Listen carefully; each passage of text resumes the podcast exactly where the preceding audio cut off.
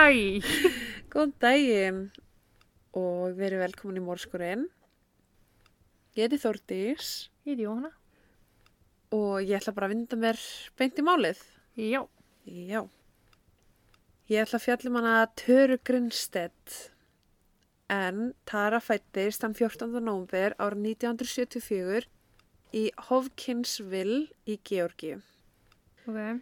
Hún var einstaklega fögur og átti líf hennar eftir að einkennast af fegurarsamkjörnum en árið 1999 vann hún Miss Tifton sem gaf henni keppnisrétt í Miss Georgia Beauty Pageant. Fegurarsamkeppnir hjálpuð henn að borga fyrir námi sitt en hún útskrifaðist frá Middle Georgia College í Cochran og ég hvað þetta tónlegt orð og árið 2003 fekk hún mastersgráðu í Valdosta, Valdosta State University og þar lendi fekk hún kennsluréttindi. Mm. Og hún notaði sérst, hún var að taka þátt í fegurarsamkjörnum til að fjármagna Skólan. skólan. Hún flutti síðar til Osilla og árið 1998 hóf hún starfsferil sinn sem kennari í Irvin County High School. Ok. Í Osilla byggur rétt undir 4000 manns og er, og er það þekkt fyrir árlegu sætkartöflu hátíðina sem að dregur fólk allstæðar frá Georgi að. Já. Og þetta er bara alveg eins og, þetta er í rauninni, þetta er sætkartöflu hátíð, sko fólk er að klæða sig upp sem einhverjum kartöflur. Oh my god. Þetta minnum mig svona á Sputnik í Friends, þegar Ross var fókið Sputnik, litið vera kartöfla. Mm. Veistu hvað ég er að tala um? Nei. Nei, ok.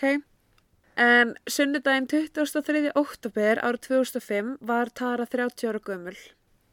Móðurinnar var að reyna að hafa samband við hana án árangurs en það þótt henni undalegt en það voru þær í stöðugu sambandi. Hún fekk ónóta tilfinningu og ákvaða að heyra í fjölskylduvinn sem var einni rannsóknarlörglumæður í Perri lörgludeildinni sem var sérst bara svona nágrana deild. Ok. Hún útskýri fyrir honum aðstæður og segist ekki að hafa heyrt í dóttur sinni og byður hans sérst um að fara yfir til hennar og aðtjóða með hana. Enda var móðurinn að staðsett langt í burtu frá henni og gæti eða ekki bara hoppað upp í bíl og aðtjóða sjálf. Nei. En sérst móðurinnar og sýstirinnar og fæðurinnar eða bara fjölskyldan þau byggu ennþá í Hafkinsvill í Georgi. Ok, ok. Tara hefði flutt einn til Osilla til að fara og vinna. Rannsóknar lauruglumæðurinn sem hún hringdi, Heath Dykes, samþykir að fara til hennar en lætur móðurinn að vita að hann kemst ekki alveg strax á staðin. En hann er sérst mættur út um miðnætti Ok. og hann færi þetta símtal frá henni að degi til. Eh, Þegar hann loks mætir þá bankar hann að hurðina nokkru sinnum en fær engin svör og í kjölfarið ákveður hann að skilja eftir númer sitt á hurðinni. Sérst bara svona nafnspjald svo ef hún væri í vandræðum þá getur hún hringt í hann. Ok, Sest reyndi bara- að komast inn eða neitt. Nei, Nei. hann bankaði bara nokkur sinnum. Svo ef hún er í vandræðum þá gæti hún hringt í hann. Sist, og þegar hún kemi heim þá myndi hún sjá nafnspjaldi og bara, oh, ok, hann var hérna, ég hringi hann, læta hann vita hver ég er. Já, já. Ef hún kemur heim. Mánudagurinn kemur og enginn hafði heyrt í töru. Hún átti að mæti vinnuna þar sem hún var að kenna 11. bekk sögu í Irvin County mentaskólanum og byrja samstarfsfélagar hennar að hafa áhyggjur þegar hún lætur ekki sjá sig en það var það bara mjög ólíkt henni Já. og sérstaklega úr kennari þá berður svolítið mikið skild að mæta já. Eða láta vita. já, af því að þú getur ekkert bara slefti það þarf einhver að mæta þá í staðin fyrir þig Mhm. Samstarfsfélagar hennar ringja í lauruglu og fá það til að gera velferðarskoðun heima hjá henni til að aðtöku hvort allt sé ekki góður lægi. Það fyrsta sem lauruglan sér þegar er mæta heim til hennar er nafnspjaldið hans Heath. En enginn hafði snert við því eftir hann skildi það eftir kvöldi áður. Nei. Húsið hennar var læst og bílun hennar var fyrir utan í bílastæðinu. Lauruglan náði að brjótast inn í húsið en Tara var hvergi sjáaleg. Þeir hins vegar fundu síman hennar uh, í hleðslu í svefnherbygginu og sérst í þessu sama svefnherbyggi var brotin lampi. En veskið hennar og húsleiklar voru hvergi sjáalegir. Ok, hvað árið er þetta? 2005? Ok. Lauruglan fór að skoða sig um svæðið en það vissu er ekki alveg hvað þeir voru að vinna með á þessu stigi máls. Í bakgarðinum fundi þeir latexhanska sem búið var að nota en það voru þeir bara svona krumpaðir, já. augljóst, augljóst einhver búin að taka það af sér. Lauruglan byrjar að heyra í fjölskyldumeðlumum, samstarfsfélugum og vinnum í vonum að fá einhverja upplýsingar um það hvar hún gæti verið niðurkomin. Í raun bara að fá að vita hver Tara er. Já, já. bara, þú veist, hver karakterinn hennar er. Er þetta líktinni, er þetta ólíktinni án kærasta, er hún með honum? Já, þú veist, allt þetta. Lörglan fekk allskins upplýsingar um hana, bæði nótæfar og ónótæfar og sumar bara virkilega óbeðnar, en þetta er náttúrulega bara já. Flesti sem að tala var við sögðu að Tara væri virkilega falleg og velgefin, hún var vinsæl, kurteis og einstaklega góðhjörtuð. Sem er svo sem lítið fyrir laurugla að vinna úr, Mhm. þú veist þessar upplýsingar segir henni ekki neitt. Nei. En þeir heyra sérst einni í móðurinnar og hún segir þeim bara frá því að hún hafi fengið áhyggjur kvöldi áður og þess vegna sendt vin sinn til að aðtuga með hana án árangurs. Já. Næsta sem lögurgan þurfti að gera var að finna út hvar hún sá síðast. Margir bæjabúar myndu eftir því að hafa séð töru tveimu dögum áður eða sérst á laugadeginum klukkan fjögur en þar fór fram fegurasamkeppni á vegum sætkartabla háterannar. Dagarinnar voru liðnir en hún tók samt sem áður virkan þátt í öllu sem að tengdist þessum fegurasamkeppnum og mætti á þessi hátíð til að styðja við baki á þeim stelpum sem að voru að keppa Já, ok. og það var sko uh, fallegasta sætkartablan í bænum þetta var eitthvað fárulegt, ég man ég sko grunni að hlátur ég sá þetta en ég var bara veist, af öllu sem að hægt var að skýra þess að fjögur samkjöfni Mhm. en hún átti sérst að eiga sér stað á þessari hátíð Já. og uh, Tara fór þarna aðalega bara til að stiða við baki á þeim og nota bene margir af þeim sem voru að keppa voru nefndur hennar Mm. eða voru sérst í skólanum hennar Já. Þannig hún alveg gilda ástæð til að vera þarna. algjörlega sko Keppninni lauk klukkan 19.30 og einn keppandinn, Dana Wilder, sem var einnig nefndarinnar, gekk sérst með törabílnum uh, hennar sem var lagður á bílastæði og sá hann að keiri burtu heim til sín. Ok. Tara kom heim til Osilla klukkan 19.45 en sérst fyrir samkeppnin hefði verið haldin í Fitzgerald sem er bara nálaðu bær. Mm. Hún fór og hitti vinn sinn Rhett Roberts sem var sonur leyendanar. Uh, þau spjalla í nokkru mínútur þar til að Tara fer og ætla sérst að fara að hitta annan vinn sinn Troy Davis heima hjá honum en hann var sérst með matabóð nokkrum húsum frá Rhett Ok. sem var sonur leyendans. Og núna er lauruglan í raun bara að finna okkur, þú hittir hana hér, skrifa hana yfir tíman, svo hittir þú hana hér, skrifa hana yfir tíman. Og, já, þeir eru bara að finna hver sá hana síðast. Uh, hún gekk yfir til Troy en um klukkan 11 um kvöldi sagði hún, sagði hún að hún þyrfti að fara úr matabúðinu. Ok, þetta var barbecue, skilur ekki bara matabúð. Grillpartí. Já. Að þeir langaði til að fara heim og horfa á myndbötin sem hún hefði tekið af fegurisamkeppninni. Ó. Já. Trói gekk með törabílnum hennar og hún kerði burtu og var það skipti það síðasta sem hann nokkur sá eða heyrði af henni. Ok. En húsi hennar var sérst ekkert langt frá því það sem að Trói bjó. Mm. Þetta er allt einhvern veginn bara svona í sama hverfa, sama svæði. Já. Eftir að lögregla var búin að fá þessar upplýsingar í hendunar þá vissur varla hvar þeir ætti að byrja að leita henni en ljóst var að hún komst heim eftir matabóði hjá Trói vegna þess að síminn hennar fannst í hlæðislu og var það því talin vera síðasti staðurinn sem hún fór á. Það var Já. heima hjá henni. Ok. Þar var í raun loka staður fyrir hana Já. sem að segja okkur það að einhver hafi þá frekar farið til hennar. Já. Flesti sem að þekkt hana trúðu varla að hún væri tínd, heldur frekar að hún kæmi bráðlega heim, en það hafði hún meðal annars skilið eftir ljóskveikt í luktinni fyrir utan húsið sitt sem var bara mjög. Að því hún var mjög sparsum og bara svona pen. Nokkri dagliðu og engar nýjar vísbendingar komu inn á borð lauruglu. Vinir og vandamenn tóku sér saman og útbyggur slaufur til að ganga með og spjöld með upplýsingum um hana og í raun bara hengdi út um allt til þess að vekja aðtikla á því að hún væri týnd. Mhm. Eldri sýsternar Anita var mætt frá Hopkinsville og ætlaði sér ekki að yfirgefa Ósilla fyrir að sýsterinnar væri fundin. Hún kom meðal annars fram í viðtali og sagði frá því að lauruglan væri að vinna í því að læra hvernig karakter hún, er en það þurftu er að þekkja hana til að finna hana. Lauruglan komst að því að Tara var mjög náinn fjölskyldu sinni og voru tölvupústa samskipti daglega milli hennar og sýsturinnar Anitu. Engin í fjölskyldunni vissi af einhverju sem var í gangi í lífinar og voru bara að reyna að finna út hvort hún hafi látið sig hverfa fúsum og frjálsum vilja eða hvort einhverju að teki hana og jafnvel meitt. Það er sko sjaldan þar sem að fólk læti sig hverfa af fúsum og frjálsum vilja. Mjög sjaldan. en stundum er oft eitthvað sem hann líkur að baki þess Ör eins og sjaldan. ofbeld sambönd Já, þú veist, að þú ert að láta þið þannig hverfa, þá veit fólk oftast nær. já, alltaf einhver Já. Get ekki staðhæft það, en. þú tókst mála sem að píja lit sig Já, hverfa ég veit það og koma til, en þú veist. Tæknindeild mætti heim til Töru til að skoða vettvangin en það var það enn og aftur talin vera síðasti viðkomistæðurinn hennar það kvöldið áður en hún hvarf. Já. Hundurinn hennar fannst heima hjá henni óskattaður Ok. sem að þótti mjög spes Maður skilur ekki eftir börnin sína eða hundi sinn.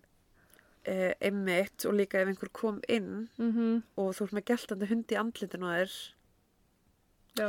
Æ, ég veit ekki, maður hefur bara ógsla oft heyrt eitthvað svona að hundurinn var lamin eða kiltur eða eitthvað. Mm Það leiti ekki út eins og einhver hafa brotist inn, hvorki var brotið rúðan einstaðar eða búið að brjóta upp lás. Einni fannst festing að hálsmenninu hennar á gólfinu í svefnherbygginu, svona milli parkersins, Já. sem að var eiginlega bara merkjum að einhvers konar átök hefði mögulega Mhm. átt sér stað, þó að sé eiginlega ekkert sem að getur staðfyrst að því það var ekkert annað nema, jú, brotin lampi Já. og hálsmennið hennar á gólfinu eða festingin, eins og einhver hafi kift. Já. Bílinn hennar fannst fyrir utan en hann var ólæstur og í hanskahólfinu voru 100 dólarar. Lauruglan var engunær út frá þessum upplýsingum og það var bara ekkert sem að sagði þeim neitt fyrir utan það að mögulega einhver átök hefðu átt sér stað. Mm En hvernig við komum aðaleg komst inn á þess að brjótast inn uh, var þeim eiginlega bara óskiljanlegt. Mm Aðteglinni var því beint að hverskins romantískum samböndum sem að Tara kann að hafa átt vegna þess að það er mjög mikilvæg lifur. Lauruglan vildi vita allt um fortíðinar til að varpa ljósa það sem að á hefði gengið. Tekið voru við marga menn, ok, ég leta hljóma þess að sé bróksla margir, en tekið var bara viðtöl við alla menn sem hefði á einhverju tímapunkti verið að deytana, þó það hafi verið sko eitt koss eða eitt deyt eða fjórtún deyt eða samband. Hvað verður það margi hjá þér? Ógeðslega margir, Nákvæmlega. síðustu fimm árum kannski ekki, Nei. einn, en þú veist, já, þetta er bara, og þá er aðalega, eða sérstaklega frá því hún flutti til Ósilla. Já. Fyrsta manneskjan uh, var fyrrandi kæristan hennar, Markus Harper, en hann var landverður í hernum og hafði áður verið, eða var, og var fyrrum lauruglumæður. Hann hafði verið í Írak að vinna mest meignis af 2005 en snýri tilbaka til Osilla tæpi mánuði áður en að tara kvarf. Þau hefðu sérst verið í svona on-off sambandi uh, síðustu fimm árin. Vá, ok.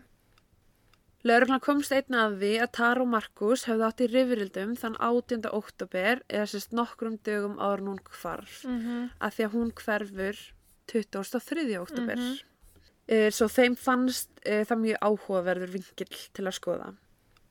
Hún hefði sagt mörgu vini sínum frá sér rifrildi en Markus var byrjar að deyta átjunur á stelpu og það, sérst, það var ekki ástæðan fyrir rifrildunum. Ok, hvað var hann gamall? Hann var í kringum þrítugt. Það var, sem sagt, þau hefðu verið on og off Mm. í ykkur fimm ár. Já. Uh, Tara vildi giftast Markus, Mm. Markus vildi ekki giftast henni og hann bara trúði ekki á hjónabönd og hann bara, ég, ætla, ég ætla aldrei að gifta mig. Já, ok. Og Tara var búin að vera bara eitthvað, vildi bara giftast þessum manni Mm uh, og þau hefði kjölfarið hætt saman út af þessu. Já. Og svo hefði, sagt, nýverið hefði Tara ákveðið og sendi honum, sem sagt, meðal hans bref að því hann alltaf er í Írak, hann er ekkert með síma Nei. í starfi. Hún hefði sendt honum bref um að henni langar að láta reyna á sambandi aftur, Já. þrátt fyrir hann vil ekki giftast henni. Æ, Og þannig er hún bara komin á þann tímapunkt að hún er bara eitthvað, ok, skipt með giftingu, ég vil bara við náum að byggja upp sambandi okkar aftur. En svo kemst hún að því hann er að deyta þessi átjunar að stelpu Mm og þá, einmitt, það er ástæðan fyrir rifildinu þeirra. Já. Já. Kvöldið sem að Tara hvarf sagðist Markus hafa verið á White Horse barnum um klukkan 1 um nóttina. Mm. Um klukkan 1.49, nákvæmt, er vinur hans, Sean Fletcher, uh, sem að tóka eftir því að Markus hefði verið að leita af honum svo hann ringir í hann. Þess að Sean var lauruglumæður uh, í Osilla og Markus hafði verið að drekka og ringdi sérst upp á lauruglustöð. Hæ, er Sean að staðunum? Ok, þegar hann kemur aftur getur þú sagt honum ég hef ringt. Ok, ok. Og sérst Markus er líka fyrrum lauruglumæður. Já. Uh, Sjón færi sér skilabóð um að Markus hefði verið að leita á honum og ringir í hann. Hann var á vakt og hafði sérst bara verið í útkalli. Mm. Þannig að þegar hann kemur tilbaka þá ákveð þeir vinirnir að hittast og taka rúnt saman. Sjón fær útkall klukkan 2.45 en þá var það maður sem að braust inn í hús og sérst Markus kemur með honum þangað. Uh, Þeir klára það bara. Mm. Nokkur síðar fá þeir annað símtal en þá að sami fulli maðurinn að árita konu á bensinstöð svo þau mæta þangað uh, og kljást við það, hann taka mannin Mm. og um 4.30 fyrir Markus heim. Ok. Um, og þetta er sem sagt bara fjárvistasönnin hans Markusar. Ah, uh, Já. En það hvað er betur en að vera heila nótt með öðrum lauruglumanni sem að getur vitna fyrir það. uh, En mér finnst samt mjög spes að þú megir koma með lauruglumann í vinnuna já. í öll þessu útköll Mm -hmm. að því á þessum tíma var Sjón að hann er fullu líka sko. á þessum tíma hafði Sjón verið bara einn á vakt sérst einn í eftirliti Mm -hmm. og að Markus fá bara að vera með honum er mér óskilinlegt mm Mhm. Lörglinn fannst það mjög spes að hann var akkurat í bænum á þeim tíma sem hún hvarf en það hafði hann verið mest megnis að árinu í vinnunni og þau hefði einmitt áttur yfirldana fjórum dögum áður. Þetta var raun augljósasta target lögreglunar en það var raun ekkert sem að tengda hann við hvarfið á henni og það var ekkert sem tengdi við að hún hafi væri actually horfin. Nei, nei, Það var bara við vitum ekki hvar hún er akkurat núna. akkurat. Næsta manneskjan sem lauruglan vildi ná tala af og talaði við er Heath, uh, fjölskylduvinnurinn sem hafði verið hjá henni á sunnundaskvöldið og þeir skilja eftir nafnspjaldi sitt. Ok. Þeir byrjaði að skoða bakgrunn hans og tala einnig við nákvæmna og komast í raun að því að hann átti að sjást oft fyrir utan hjá Töru. Ha? Já, þetta er alltaf fjölskyldu vinur, tökum það inn í myndina. Já, ok. Já. Nokkra daga áður hann Tara hvarf hafði hann hringt í hana mjög oft og sérst bara um helgina, Mm. þá helgi sem hún hvarf, þá hafði hann skilið eftir fáralega mörg talhólskilaboð Ok. í símanum hennar. En hann hafði einnig talað við hana kvöldið sem hún var í matabúðinu. Mm. Uh, þau hef, höfðu spjallað saman í síman á meðan að hann var heima með konunu sinni og Tara var í mat hjá Trói, vinnu sínum. Já. Uh, ok, ef þau voru svona rosalega góði vinnir, hvers vegna var hann að skilja eftir nafnspjaldi sitt með símanúmeri svo hún getur hringt í hann ef hún var nú Já. þegar með númerið. Þetta er það sem að ég var svona aðeins að fara að spyrja út í. Já, mér- eða sko, þetta er partur sem að ég skildi eiginlega ekki. Ég skildi sko þetta var vinkona mömmunar, Já, ekki hennar. já, þetta er sko, það er talað um að þetta sé bara family friend. Já, já. uh, þegar að tala um family friend að þá er það bara því hann alltaf er uh, rannsónulörglumæður hann á svæðinu Uh hann og Tara uh, hefðu sérst verið vinir í mentaskóla Ok, og hefðu gengið í sama mentaskólan ok, ok. Þess, það hljómar eins og hann sé eldri maður Já, að þenni fjölskylduvinur það, sko. en hann er sérst jakkamall og hún Ok, já og móðir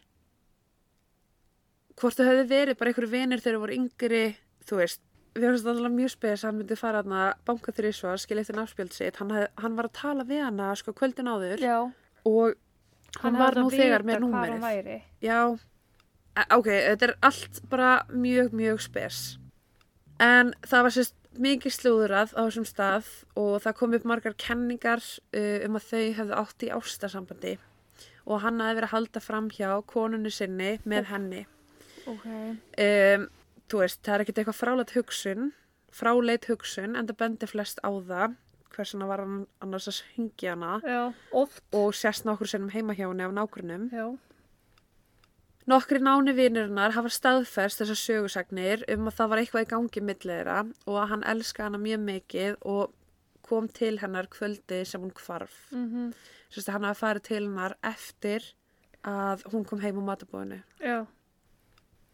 Hvernig fyrir lauruglumæður á svæðið, uh, rannsóna lauruglumæður og eftir að tala um móðurinnar að aðtúa með hana, uh, svarar ekki, hann skilur eftir nafnspjaldið, án þess að aðtúa betur. Já.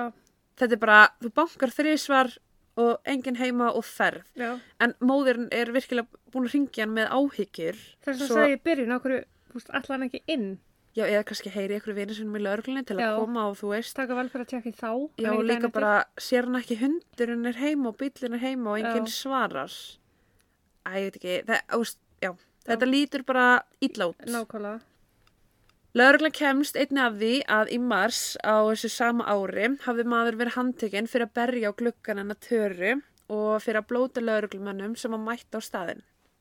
Ok. Hann hétt Antoni Vickers og var fyrrum nemi töru en hann var einungis 18 ára þegar þetta gerðist og var sérst 10 árum yngri heldur en hún. Ok. Einn af lauruglumönnunum sem að komi á vettvang var Sean Fletcher, sá sami og staðfesti fjárvistasönnunina hans Markusar og Tara var mjög ósátt út í Sean en það hafði hann sagt Markusi frá þessu atviki sem hann alltaf bara í fyrsta lagi ekki að gera því að trúnaður í vinnunni. Já, og í öðru lagi það reytti Markus til reyði Oh. og það var ymmit líka það sem að þau hefðu verið að rífast um. Af hverju ykkur guður hafa að banka á gluggan? Já og þá er hann komið með 18 ára kæristu hvað með þinn 18 ára gæja sem var að Já, gluggan þér? Ó, það er ekkert shit. bara einhver randu gæji sem kemur á gluggan Nei, og vildi þá bara meina að hún hafi verið að sofa hjá nemyndar sínum. já. Það er fullt af fólki að ringsnúast í kringur rannsóknina en það voru engin merki um það hvar Tara væri. Hvort hún væri lægi eða hvort hún væri það ekki. Allir bentu á kærastan því tölfræðin segir okkur það að oftast er það maki eða nánasti aðli sem að gera slíkt. Og ég las rannsókn sem var gerð í bandaríkjunum. Þar voru tíus konur sem voru myrtar teknar saman sérst- 10.000 konur. Já, í úrtak. 55% af þeim voru drefnar af makanum sínum og samanlagt 93% voru drefnar af maka eða fyrrandi maka. Aha. Ókunnir voru samtal 16% og 12% var út af aðbrísemi að einhver leiti. Já. Þú veist, þetta er bara, þessar tölur eru alltaf háar, sko. Hins vegar var ekkert sem gætt sannað það, nýja afsannað og því virkilega erfitt fyrir lögreglu að benda fingurum. Mhm. Uh, þetta fjaraði eða bara út. Það átti enga óvinni og það var þá sem að lauruglan fór að skoða hvort að raðmóringi hafa átt þátt í kvarfiðnar eða hvort einfallega einhver bara driftari hafi komið, drepið hana og farið. Driftari. Já, Drifter. já, drifter. En það var bara ekkert sem gætt benda á það hvar hún væri. Uh, hún var ekki að nota neinn kort sem að gáttu vísa á hana, síminn hennar var heima, Já. það var ekki að rekja slóðirnar á neitt hátt. Skrítið. mjög skrítið og líka náttúrulega veski hennar fannst heima. Já. Margir í Ósilla benda fingrum á Markus og þeim þótti þessi fjárvistasönnun hans bara ekki vera sönn. Nei, ekki gild bara. Já og Sjón hafi einfallega bara sagt þetta út að hann er góðu vinnur. Mhm. En þú veist, þetta er mannskvar, þú ert lauruglumæður, Já. átti ekki að hafa smá dignity. Mm. Fólki sem að stóðinni næst vissi, vissi mæta vel að hún myndi aldrei yfirgefa vinnuna sína en það elska hún hana. Uh, hún var með kennararéttindi og var einnig að vinna doktorsgráðu sem til að bæta við sig Já. í kennslunni og þetta var bara það sem henni langaði að gera. Hún var búin að landa drauma vinnunni og hún var bara ótrúlega góðum stað þannig að af hverju, af hverju ætti hann að láta sig hverfa? Já. Af Því að lauruglan var svolítið mikið bara það er ekkert, við höfum ekkert. Já. Það var leita á lofti, á jörðu og í sjó og allt í kringum húsi hennar og nokkrum völdum stöðum í bænum en aldrei fannst neitt sem að hægt var að tengja beint við hana. Einn var gerð heimasíða þar sem að fólk gætt sendt inn ábyrningar og helstu bara svona billboard á Já. svæðinu og það er sko fárlega dýrt Mhm. að auglýsa á billboard. það. Uh, það var auglýst þar og í nærum hverfi en þar voru settar upp myndir á töru og upplýsingar. Já. Bænastund var haldin í skólanum hennar þar sem nemyndur og aðri samstarfsfélagar komu saman til að byggja fyrir því að Tara myndi skila sér heim. Örvin County dómhúsið bauð 30.000 dólar fjö í skipti fyrir upplýsingar og var svo upphæð síðar hækkuð í 80.000 dólara og á endanum 100.000 dólara með hjálp vina og fjölskyldu. Engi skildi neitt í neinu, fólk var vart um sig í bænum og allir voru að fylgjast með fregnum að töru sem að skilaði sér ekki heim. Dagar urða vikum, vikur urða mánuðum og svo leið tíminn og hægt og rólega fór fólk bara að gleyma því hver Tara hefði verið en það var öllum ljóst að hún var ekki ennþá á lífi. Ok. Í februar á 2009 byrtust myndbönd á netinu af manni sem að taldi sig vera raðmorgja. Ok. Maðurinn í myndböndunum kallaði sjálfan sig Catch Me Killer og lísti því sem hann sagðist hafa gert við 16 kvenkins fórnalömp sín og ein þessara kvenna væri Tara Grinstedt. Þrátt fyrir að andlit og rödd mannsins hafi verið hulið komst lauruglan að lokum að því að höfundur myndskeiðana var hinn 27 ára Andrew Haley. Lauruglan rannsók leiti í ljós að myndbundin var hluti af undarlegu gappi sem að Haley hafði útbúið og var hann að lokum útilokaður frá því að hafa eitthvað tengst morðin á henni. Þetta var, þetta var bara gengur fantasía. Fólki til. Já, þetta var bara einhvern ákveðin fantasía. Að koma eitthvað nafnlust fram á netinu og segjast það var myrtana. Jésús. Árið 2010, fimm árum eftir hún hvarf, var Tara úrskurði lát, löglega látin Ok. Og það var útbúið dánavottorð. Það var ekki fyrir en að Payne Lindsay uh, síndi málinu áhuga uh, sem að sér um hlaðvarpsáttin and Vanished Já. þegar hlutinir fóru að gerast. En hann fór að skoða málina betur og ég mæli virkilega með að hlusta á þessa seríu ef Já. þið fílið svona marga þætti í einni seríu. En sérst, fólk byrja að hafa samband við hann með upplýsingar og ákvað lauruglan í kjölfarið að hefja rannsókn að nýju. Lauruglan hefur alltaf sagt málið varð aldrei kallt. Nei, ok. Við erum alltaf með málið opið á borðið hjá okkur.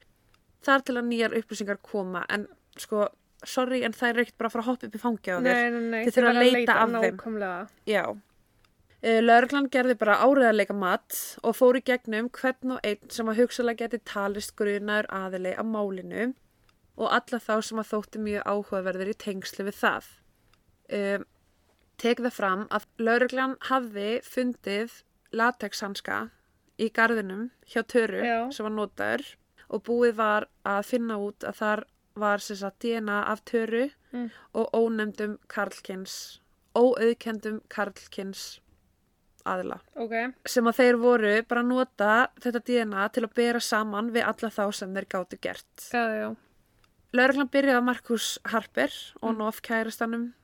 Lauruglan taldi hann í raun aldrei vera grunaðan aðila. Það voru meira bara bæjabúar og vepsluð sem að voru bara þetta er hann. Elsku vepslúð. Já. Hann samþykti að gefa DNA sinni.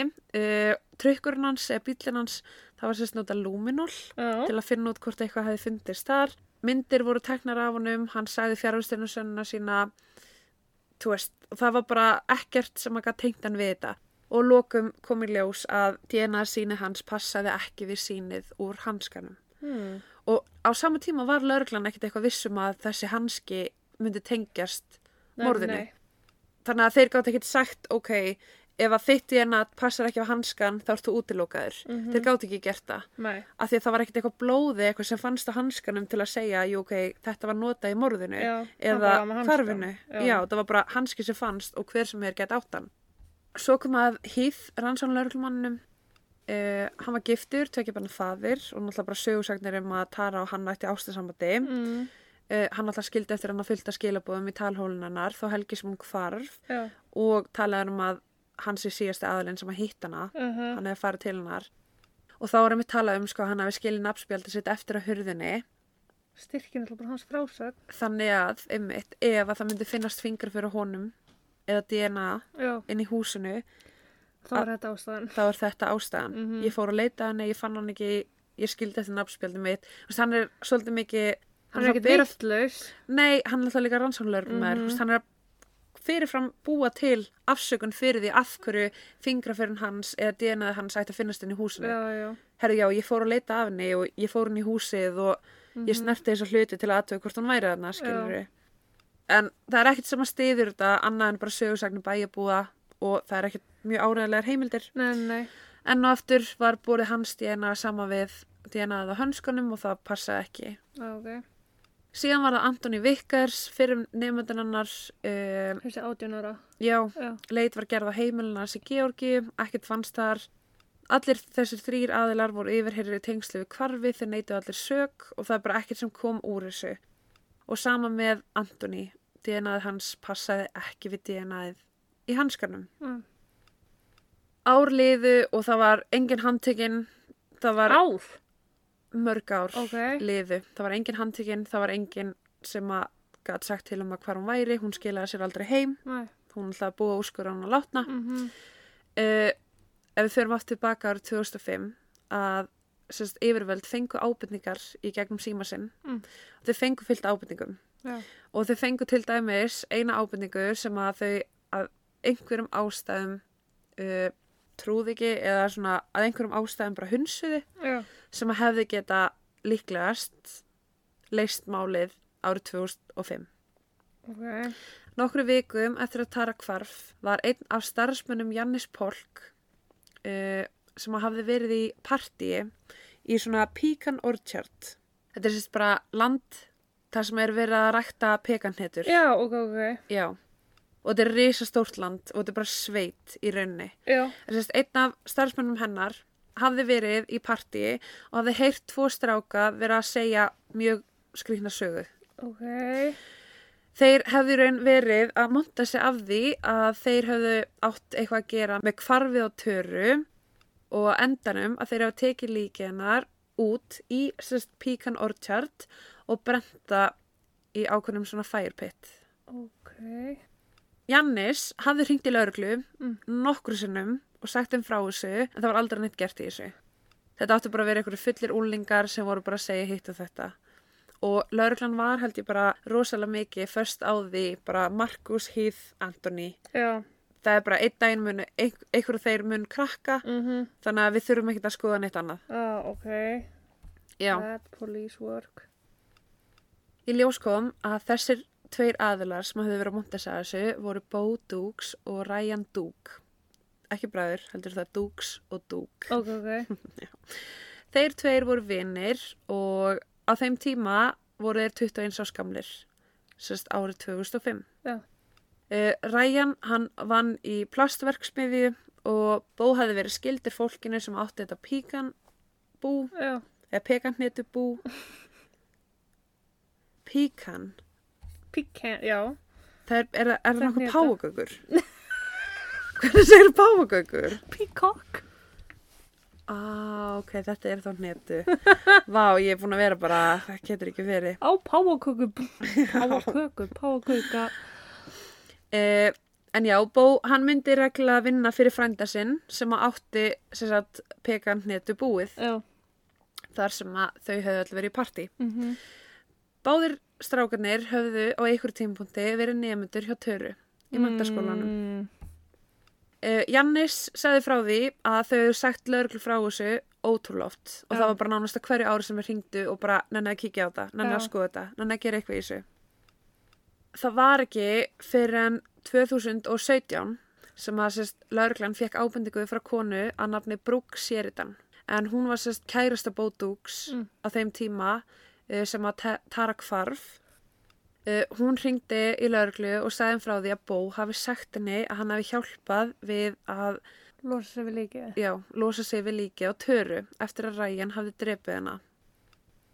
Og það var í einn raun fyrst skipti sem að lauruglan, lauruglan var búin að heyra þetta frá einmitt Upphafi. hinum aðalunum frá 2005 og það var ekki fyrir 2017 sem þeir fá aftur þessa vísbendingu frá allt öðrum aðila og þannig er þeir eitthvað, herðu, ok, nú skulum við aðtöðu þetta.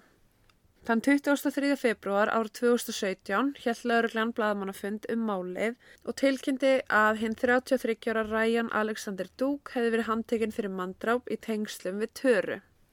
Núna eru örgla allir að spyrja sig um eitt hverju anskoðunum Ryan er Já. og hvaðan hann kom af því að hann er ekki einn af þessum þremur sem voru ratar hjá lauruglu. Nei. Það er ókslega lítið að segja. Veist, þetta, þetta er bara fyrrum nefndina töru og svo bjóð hann bara hana og það er ekkit, ekkit eitthvað hvað hann er búin að vera að gera eða ekki gera. Ok. Þann 3. mars árið 2017 uh, var einnig 34 ára Bo Dukes handtekinn í tengslu við morðu á töru. Hann var ákjærður fyrir að leina dauðinar og við að fykta við sönnugögnin. Mhm. Sérst bara tampering with evidence. Uh, það var lítið vitað um þessa náunga en þeir neituðu báðu sög þegar þeir voru ákjærðir. En ljóst var að þeir þekktu töru, vissu hver hún var og Mhm. hefðu eitthvað tíman átt í samskipti við hana. Já. Þeir hefði ekki verið á ratarlaugurklu áður en þeir voru góði vinir síðan í grunnskóla. Þeir hefði útskrifast frá Irvin County mentaskólanum þremur árum áður en að Tara kvarf og voru báðir á sakaskrá. En Bó hafði meðal annars verið handtekinn og ákæru fyrir þjófnað árið 2013 fyrir að stela hlutum að andveri 150.000 dollara í hernum en fyrir það var hann sendur í tvö ári fangelsi ásamt því að þurfa að mæta reglulega á AA-fund. Mm. Ryan var mjög viðkunnulegur maður og kurteis og lítið slemt um hann að finna. Um, hann átti alveg sínar upp og niður hliðar eins og við öll en þeir tveir voru eiginlega bara frekar mikla anstæður það hefði engin neitt slemt að segja um Ryan og það hefði engin neitt gott að segja um Bo Ó, ok. já og því erfitt að ímynda sér undir hvaða kringustæðum Ryan ætti að dreipið töru Já. og Bo einungis að hilma yfir því að það, og það voru allir bara að það getur ekki verið, þetta hlýtur að hafa verið öfugt. já. Það þarf nú samt ekki alltaf að vera. Nei. Ryan Duke var fenginn í yfirheyslu af lauruglu vegna þess að nýju upplýsingar sem hefðu skyndilega komið ljós frá kærustan hans Bó. Uh Það var í rauninni Bó sem að játaði fyrir lauruglu. Sest, eftir að kærustan hringdi laurugluna Já, að þá var Bó tekin í yfirheyslu á undan Ryan. Já, og hann var bara, nei, ég veit ekkert hvort tala um, ég ger ekki neitt. Ah. En svo talaði sest, kærustan hans við hann já, og að lokum þá sagði hann við lauruglu ég vil bara fjölskyldan hannar fá að vita hvað gerðist. Já, og játaði allt fyrir þeim. Ok. þannig að þegar lauruglan fór að tala við Ryan að þá var þetta svolítið mikið svona herru ok félagi við vitum hvað þú gerðir. Mm það þýðir ekkert að vera eitthvað þú veist að reyna að spila eitthvað spil við okkur sko. En Ryan Dug játaði að lokum og skjölunum var lekið sem sagt nafnlaust á netið Shit. Já. Uh, þar upplýsti Ryan, lauruglu, að hann hafi verið að leita peningum fyrir fíknefnum þegar hann ákveða að brjótast inn í handahóskent hús sem að reyndist vera húsið hennar töru. Þar ætlaði hann að stela töskunennar og liklum. Mm. Tara kom að honum og sá hann, uh, svo hann endaði á því að kirkjana sem að leiti að dauðinar. Hann sagði rannsakatum að hann hefði aldeilis ekki á síðustu árin sæl en það væri þetta stöðut á böggan. Hann sagði meitni að hann hefði hringt í töru úr símaklefa í nágrunnu nokkra tíma eftir árásuna til aðtöfa hvort hann myndi svara símanum eða ekki. Því hann er enn vissi ekkit í alvöru hvort hann væri látin eða ekki. Mm. Þannig að hann tók bara drasli og fór. Já, Lauruglan vissi af þessu símtali sem að Tara hafði fengið úr einhverjum símaklefa Já. en þeir hafa náttúrulega ekkert neinar upplýsingar um hver það Nei. er að þetta er allt bara tíkallarsími uh, en þeir höfðu sérst aldrei sagt neinu frá þessum upplýsingum uh, hvorki fréttamönnum eða blaðmannafundum eða neinu þannig að þeim var það, var það ljóst á þessu stundu að Ryan hafði eitthvað með þetta að gera en það var morðingin sá eini sem að vissi af því að hún hefði fengið símtal ah, Já. Þannig að stundum er líka gott að Að halda já. upplýsingum.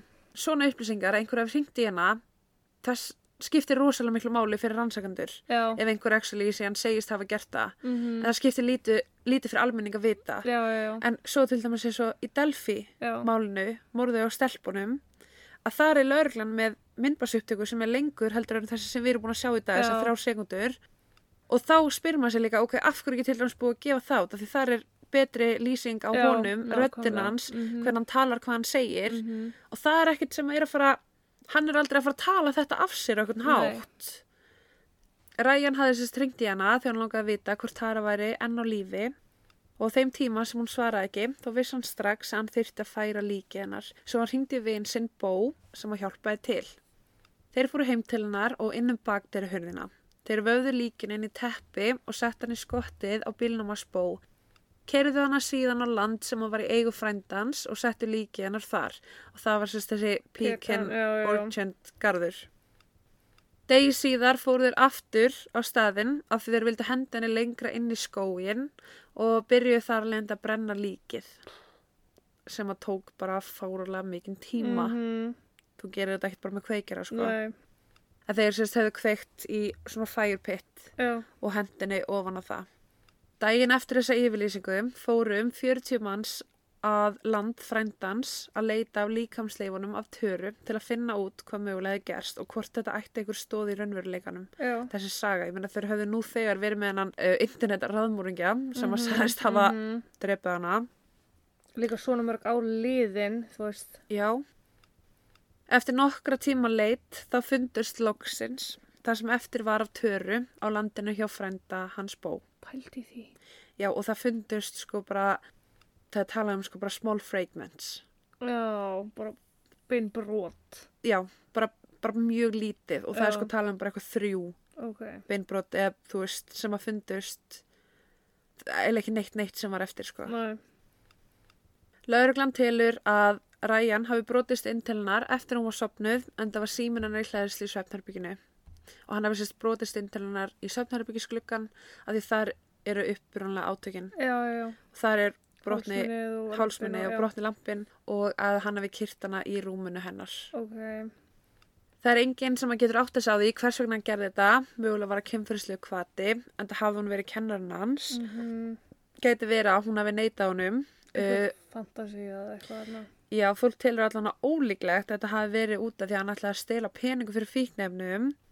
Uh, þar sem að bílinn hann var fyrir utan og honum ætti að vera það ljóst að það var ykkur heima. Já, Ég held að svona, ég veit ekki, þú veist, ok, kannski að þú ert bara allt í hennu fær eitthvað skyndi þörf fyrir að ræna pening. Það ertu kannski ekki að spá í því en mér finnst það alveg líklegt að þú sért að spá í því. já, sé ég fjölskyldin í glugganum ára en ég labbaðar inn og að ræna þau, skilur mm, ég veit ekki. nei, Það er samt sem að það er 100% uh, staðferst að ræjan drafuna og Bó kom einungis að því að hjálpa honum að fela líkið og brenna það. mhm, Í mars árið 2019 var Bó Dúks sakfeldur fyrir tvær ákærur en það var sérst um að gefa rángar upplýsingar, Mm. hindra framgang lauruglu já, uh, og fyrir sérst ósæmileg meðferð á líki. mhm, Hann fekk 25 ár uh, í fangilsi sem var bara sérst hámarksrefsing. Það er mikið. Já. Uh, við dóms uppkvæðninguna las Dúks undirbúna yfirlýsingu þar sem hann bað fjölskyldu töru afsökunar. Er það bó, dúks? Já. Já. Og hann segir uh, To the Ta Tara Grinstead family, I'm truly sorry. Your long suffering has been unimaginable. I failed Tara Grinstead, I failed her family, I failed the local community, and I hope these proceedings have given some closure to many people hurt by my actions. Og hann er í alvöru talað virkilega sorry yfir þessu. Já, ég trúi því alveg. Þú veist, og náttúrulega hann í rauninni, Hann, hann gerði ekki það slæm, að þú veist, já, þú veist, hann var vinur að koma sinni til Mm. hjálpar og hefði klála átt að fara til lauruglu og Mhm. bara upplýsa þá um hvað Mhm. gerðist. En á sama tíma, mér finnst, ég held að sé bara, hann kemst upp með þetta eitt ár, þá er þetta hans léttara. já, þá þarf hann í aðeins rauninni ekkert að vera að spá meira í þessu. En Bó er sem sagt í fangelsuru í Georgi og hann situr þar enn í dag. Mm, Hann var settur inn 2019, já, hann var 25 ára eftir. mhm, Varandi Ryan, Mm. þá átti máli hans að hefjast í júni ára 2019 en sem sagt hæstiréttur í Georgi uh, neitaði heyra rökin fyrir því hvort ríkið þetta greiða fyrir bara sérfra álit vitna og bara aðra rannsakanda. Og út af því þá bara stólaðist allt. Já, og í februar 2020 þá hafði upptöku eða upptaka málsins mm, Það hefði slíku dagur, ekki verið ákveðin um, og náttúrulega bara undanferna mánu hafa margir dómstálar landsvísu verið senkaðir út af COVID. COVID. Ræjan er því enn í gæsluvarhaldi og býður fyrstur réttarhalda sinna. Shit. Á milli þess þarf hæsturéttur í Georgiu enn að heyra sérst bara rauk fyrir því hvers vegna þeir get ekki tekið upp dóminn Mhm, og hvers vegna þetta er að tefja dómstálakerfið mjög lengi og það gæti liðið mörg ár þar til hann fyrir fyrir réttarhöld fyrir morðið á Töru Grinstedt. Þannig að á sama tíma uh, á árunum frá handtöku hans hefur Ryan breytt sögur sinnum játningur sína og fullir þetta hafi verið röngjátning undir áhrifum eiturleifja og það hafi raun verið vinur hans Bó, Bó sem hann draf Töru. What? Já. Alkohol bullshit samt. I call bullshit. Uh, ég las til um það að hann er semst, samt í gæsluvarhaldi Já, já, já. en ég las til um það að réttarhaldin hans átt að hefjast 4. oktober á þess ári Mm. þegar maður frestað. Þannig að hann er ekki ennþá, það er 2021, Já. það er ekki ennþá búið rétt yfir honum. Þá bara situr hann í gæsluvaraldi, skilur, það er ekki verið að fara að sleppa hann hvort þið er. Nei, en svo er einmitt spurningin sko hversu lengi máttu sitja í gæsluvarhaldi án uppkvæningu dóms. Já, Og hann er alltaf búin að breyta, já, hann er alltaf búin að breyta játningunni sinni, Mm. en þannig fór með málina töru. Þau fengu bæði lokun og Já. ekki. Þau fengu ykkur þrjú lítil bein Mm til að grafa. Nákvæmlega. Þú veist, það er ekki neitt neitt. Það er allan staðfestingin, skilur, þau þurfa aldrei að hafa vafa eða efast um það að hún sé raunverulega dáin. Uh -huh. Þú veist, ég hugsa að það veit einhver á huggun, bara ok, þú veist, staðarindin er svo. Algjörlega sko, mér finnst bara ótrúlegt að þeir hafi náða brennana að því ég held að þetta væri sko, sorry en ef þetta er svona auðvelt, af hverju erum við að borga miljón fyrir að láta brenna eitthvað? þú veist, ég bara, ég bara spyr, skilur Já. en þú veist, ef þeir gátu brentana þannig að það voru bara eitthvað svona þrjú lítil bein eftir hvers vegna erum við að borga miljón fyrir þetta? Já, það er góð spurning. ekki það, ég sé gera lítið úr Nei, en þetta mamma var alveg að spyrja sig, þú veist, af hverju kostar miljón að, þú veist, já, eða þú veist, já en að ég veit ekki, mér finnst bara ég hef heyrt að máli þar sem að einhver reyndi að brenna eitthvað og það var bara eins og væri ekki hægt. Og það bara fundust beinin í færpittinum já, það er líka svona bálfarir, þú það sem er gert þegar að lík er brent inn á viðeigandi stofnun, já, eða þú veist, í viðeigandi aðstæðum, þá er það sko fáránlegt hitastig já. sem að er um að ræða inn í mjög lokuðu súrefnislausu rými. Uh -huh. Eða ekki vallar súrumslaus þá myndi slökna eldinum en þú veist það er allavega það er allavega lítið rými en í opnum rýmum úti þar sem er vindur og kannski rigning og þú veist eitthvað já, það er ekki kjör aðstæði þess að brenna lík. Nei, ymmit en á sama tíma, þú veist, hvað veitum við? Við erum Já. bara tvær vittlisar og hafna fyrir það og höfum aldrei ekki svo ég viti. Að brent, brent líka þur nei, ég hef alveg látið það vera. Já, að þessu En já, svo er líka bara ótrúlega pyrrandi að lauruglan fekk þessa ábendingu árið 2005, sko nokkru vikum eftir hún hvarf og, Og hefði geta unnið úr því og gerði ekki raskat. Ekki fyrir nær fá sko tvö, eða sérst, aðra ábendingu frá öðrum aðila um sama máli og þá er þeir bara eitthvað, herðu, tökum þessu alvarlega í þetta skipti. Lörgla hefði náttúrulega átt að fá bara eitthvað, þú veist uh, högga puttanum fyrir það sko Já. Og það sem ég glemd að segja áðan er það að DNA-ið á hönskunum passaði við ræjan. Já, Þannig að hann getur ekkert fara að reyna að segja það að bóa við gert það. nei, nema það að hann sagt, munur að segja að það, þetta sé hanskinn í frá því hans- að þeir voru að taka líkið í burti 100% sko. Já. en? En já, meira var það ekki og ég minni á Patreon. Já, Instagram, Facebook. Umræðu hóp umræðu hópin rosalega aktífur mm ah. eh, en já, að fara að borga þessum tveim sem að halda hann uppi? Allan ætti ég ekki fór neitt borga fyrir hann hóp sko. Þannig að já, ég segi bara takk og bless og það er til næst